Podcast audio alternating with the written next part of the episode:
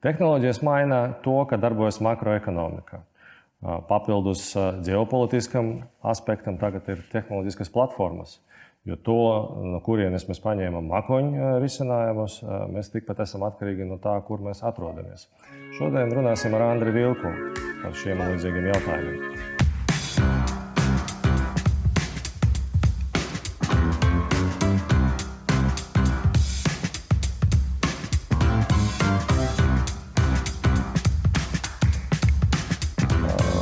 Labdien, Andrija! Tad eh, es šodien, gribu, es šodien gribēju parunāt par tādu interesantu tēmu, um, kā skatoties uz IT tehnoloģijām un skatoties uz to, ko IT tehnoloģijas ir mainījušas pasaulē, tad sanāk, ka mums kaut kā veidojas jauna ģeopolitika.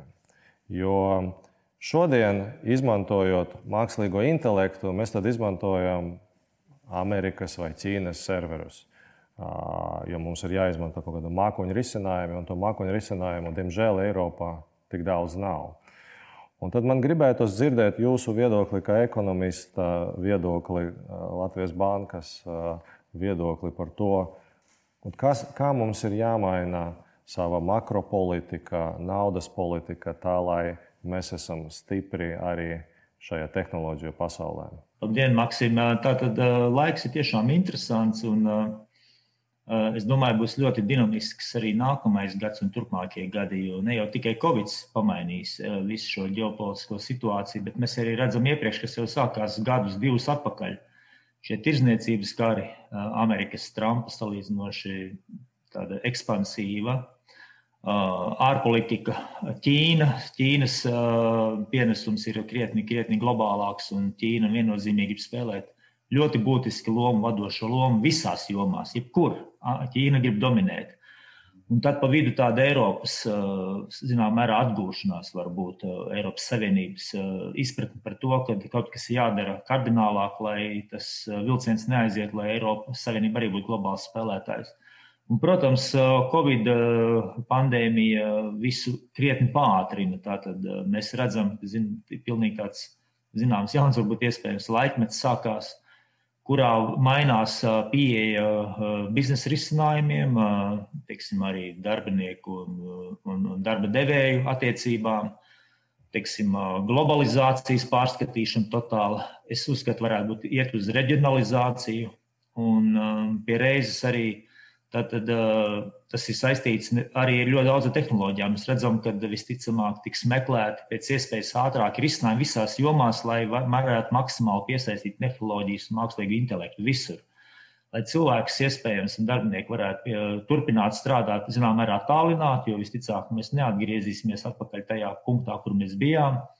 Un visi šie risinājumi prasa ļoti, ļoti tādu pamatīgu izvērtīšanu visām sistēmām, kāda eksistē. Un mēs arī droši vien tuvākā laikā saskarsimies ar labiem stāstiem un sliktiem stāstiem. Kā dažādi uzņēmumi, lielāki, mazāki, bet es vairāk tieši runāju par tādiem globāliem spēlētājiem, kā viņi pielāgojušies šajā, šajā, šajā laikmetā. Tagad ir interesanta situācija. ASV ar Baidenu nākšanu pie varas visticamāk būs konstruktīvāks dialogs. Ķīnas ambīcijas nekur nepaliks, bet mani priecē tas, ka Eiropa ir sarosījusies, Eiropas Savienība. Uh, Jo, ja mēs esam Eiropas daļa Latvija, un šeit šī uzņēmuma tomēr pārsvarā, kas ir Latvijā strādā, tie ir Eiropas spēlētāji, ir skaidrs, ka visās jomās mums jāsjūt šis Eiropas pulss, um, piedrība Eiropā aizsardzība. Tas skar gan, gan kurā vietā glabājās informācija, gan arī tas, kāda varētu būt nākotnes valūta. Ne jau velti. Tagad sāk runāt par iespējamo digitālo eiro, kas dažus gadus atpakaļ nebija pat iedomājams. Uh, Bet tas viss norāda uz to, ka Eiropa grib kontrolēt, tomēr, kas savā reģionā notiek, un uh, arī atrast vislabāko pienesumu tam visam. Kas būtu arī, uh, kam būtu jābūt inovatīvam, spēcīgam un būtu jākonkurē uh, ar, ar, ar globāliem citiem, teiksim, austrumu piedāvājumiem un, un, un ASV.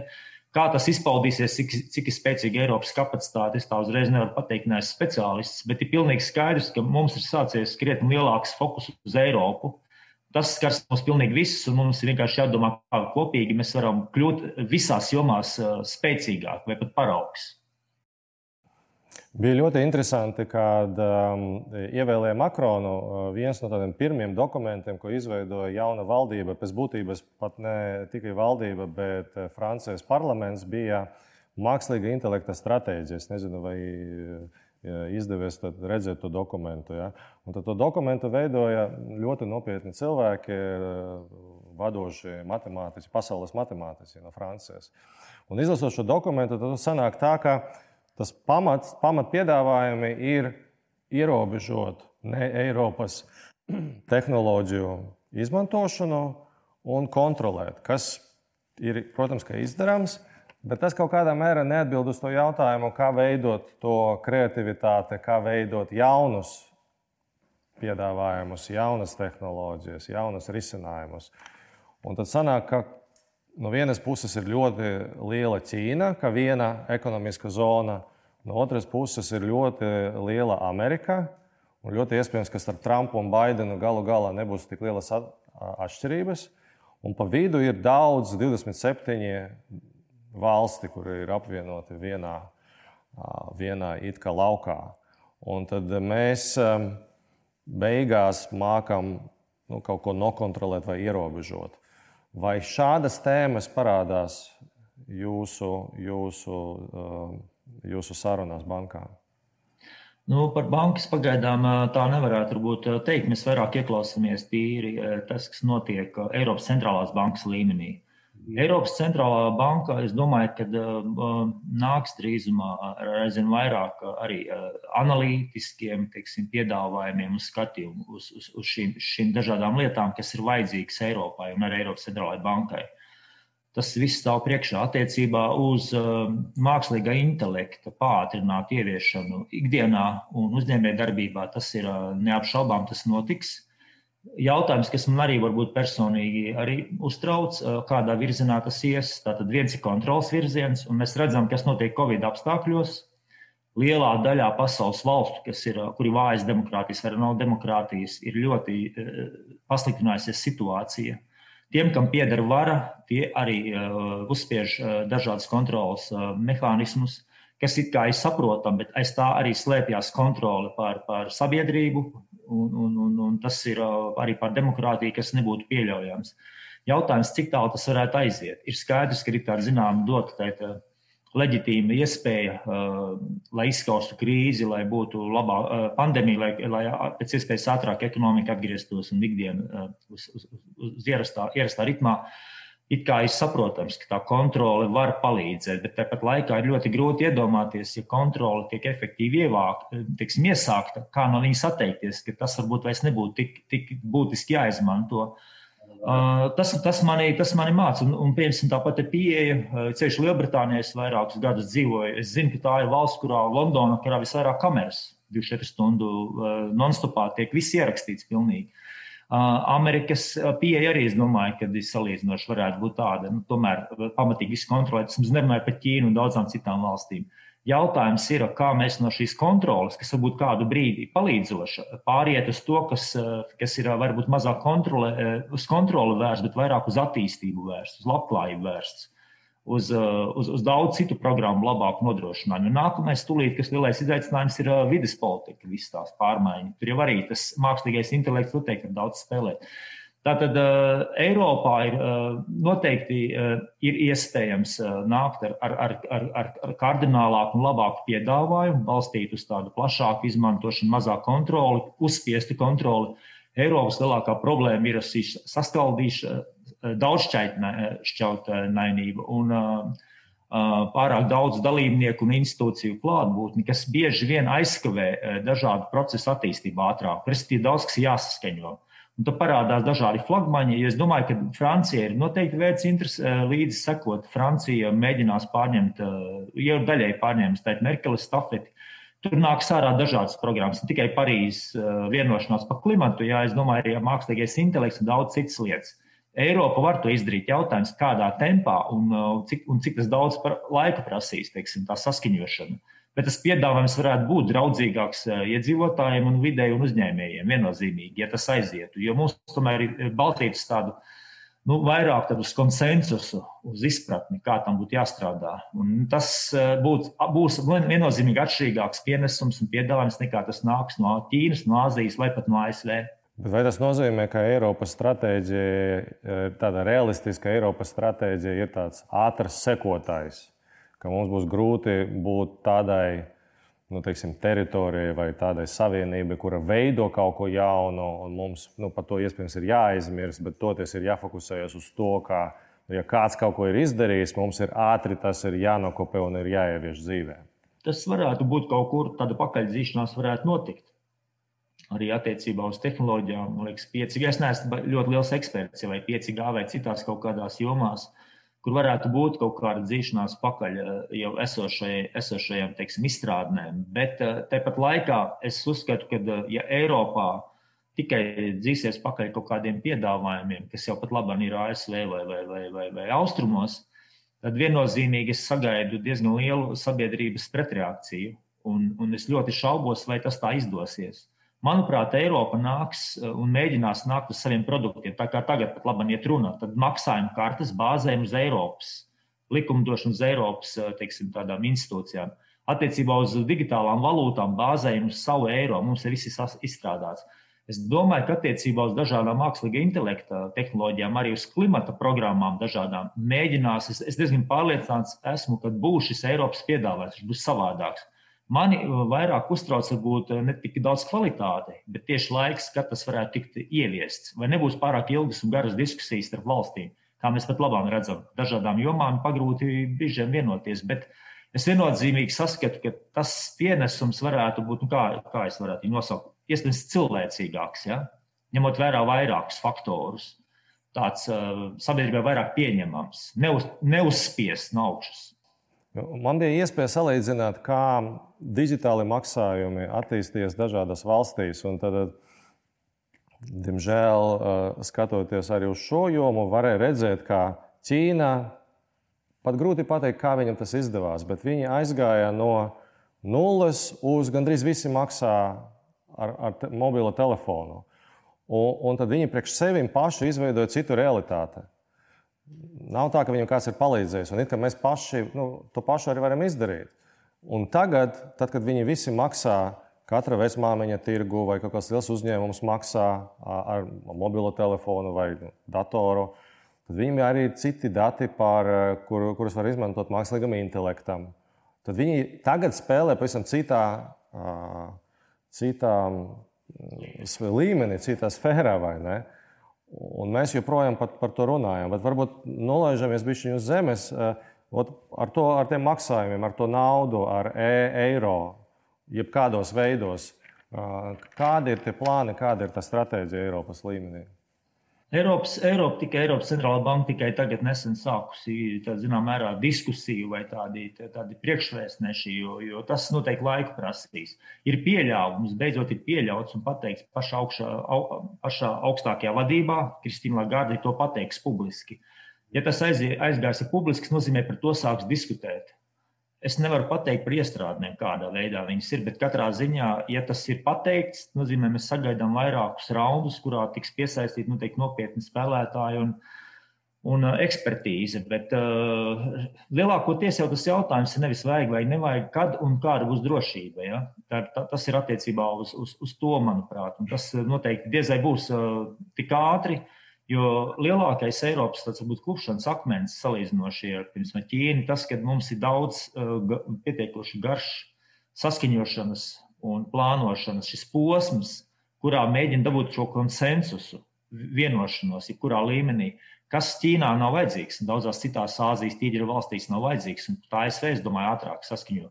Ja tur redz, ka tas dod rezultātu, ka tas ir tas produkts, kas ir vajadzīgs, augstākajā varas līmenī parasti tiek dota zaļā gaisma, un, un viss tas notiek ļoti ātri. E, e, šeit, es domāju, būs vairākas tā saucamās testēšanas fāzes un, un vērtīšanas fāzes, kas varētu apgrūtināt. Bet tā situācija ar Covid noteikti Eiropai arī liek ātr, ātrumu ziņā pārslēgties. E, es vairāk skatos par digitalizāciju un automatizāciju. Man ir varbūt grūtāk pateikt, kāds būs Eiropas teiksim, izrāvienu šajā jomā, bet viennozīmīgi, kas nāk virsū pilnīgi un skaidrs, tas ir klimata programmas visas. un uh, būt klimata neitrālai un tam līdzīgi. Tas, tas ir tas, kur absolūti Eiropa nevarēs dusēt, jo viņi ir šo lietu teiksim, uzsākusi un zināmā mērā uzspiež pāriem reģioniem. Šī ir vieta, kur testēs ļoti, ļoti Eiropu, cik viņi ātri rīkojās. Es domāju, tas ies kopā ar, ar pārējām lietām, bet tur jāsaprot, ir Eiropas Savienības, Eiropas komisijas vilkme no tās puses. Ja? Un, un, un, un, Nu, tur tas ir tāds, tur var būt ātrāks izrāviens, varbūt lēnāks. Es tur nevaru pateikt to virtuvi, ja, bet šī ir joma, par ko Eiropa daudz runājusi.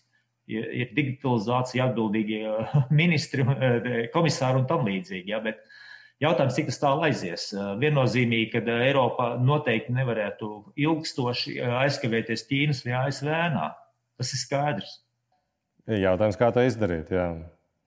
Um, ja mēs skatāmies tagad uz uh, ekonomiku, tad uh, sākot ar 1. martu, uh, tad ekonomika bija spiesta sagremot ļoti daudz jaunu digitālo tehnoloģiju, nu, jo nebija citas izvēles. Jā. Kas ir mainījies ekonomiskā struktūra, kas ir mainījies ražošanas procesa saistībā ar automatizāciju, digitalizāciju, kur, kur var veidoties jaunas, nezinu, pat jaunas plaisas, kur var veidoties jaunie nu, bezdarba riska uh, sfēras? Es domāju, pirmais, kas ir daudzas globālās ķēdes, tiek testēts un plīsīs. Viņas vairāk būs reģionālas. Mēģinās dabūt tuvāk zināmus teiksim, starpniekus, zināmus ražotājus vai pakalpojumu sniedzējus, mēģinās būt tuvāk mājas tirgiem. Tas ir viennozīmīgi, es domāju, plus Latvija arī, gan jau, ka arī kaut kas nogulstēsies no Eiropas, Rietumē, Eiropas, Skandināvijas uzņēmējiem, ražotājiem. Tā, tā ir laba lieta. Tas ir viennozīmīgi. Ķēdes būs īsākas. Es nedomāju, ka tik daudz varbūt staigās, uh, kā iepriekš bija šie dažādi arī attiecībā uz, uz pārvadājumiem, vai jūras, vai pasažieru, vai kravas. Tur varētu būt kaut kāds, viņi varētu būt īsāki. Tas ir viens. Otrs, uh, es domāju, ka tas laiks, kā visās krīzēs, daudziem uzņēmumiem ir bijis pozitīvs, jo viņi noteikti testē un ievieš kaut ko tādu, ko viņi iepriekš būtu atlikuši. Viņi bija domājuši, bet atlikuši.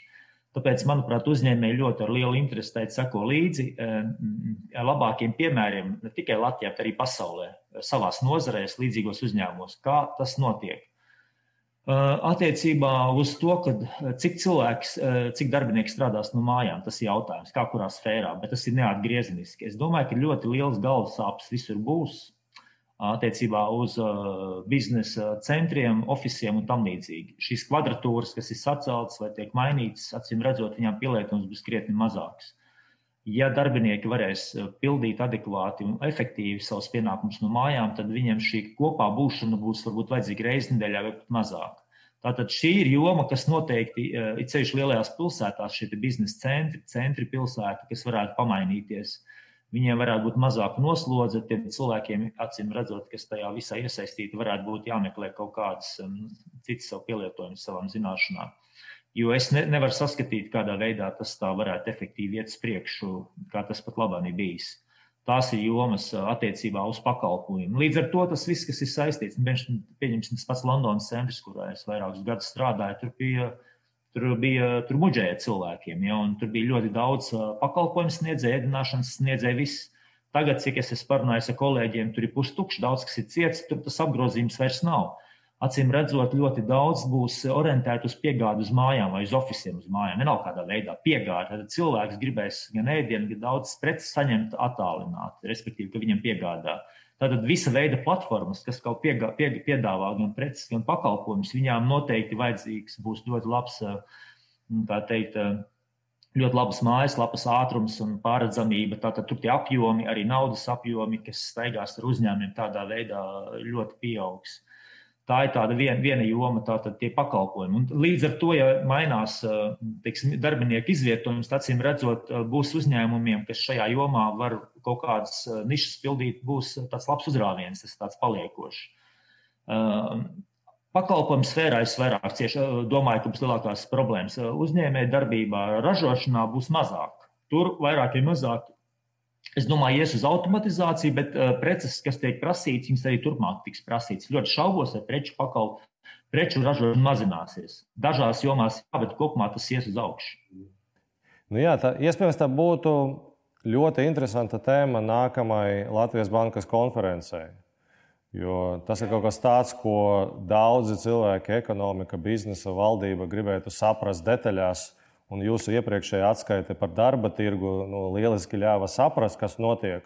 Un iespējams, mēs tā kā gaidītu līdzīgu materiālu, pamatīgu materiālu, kurš mums ļautu saprast, kas notiek un kā mums ir jāvada respektīvi, šie procesi. Lielas paldies jums par veltīto laiku un uh, visu labu! Paldies! paldies. paldies.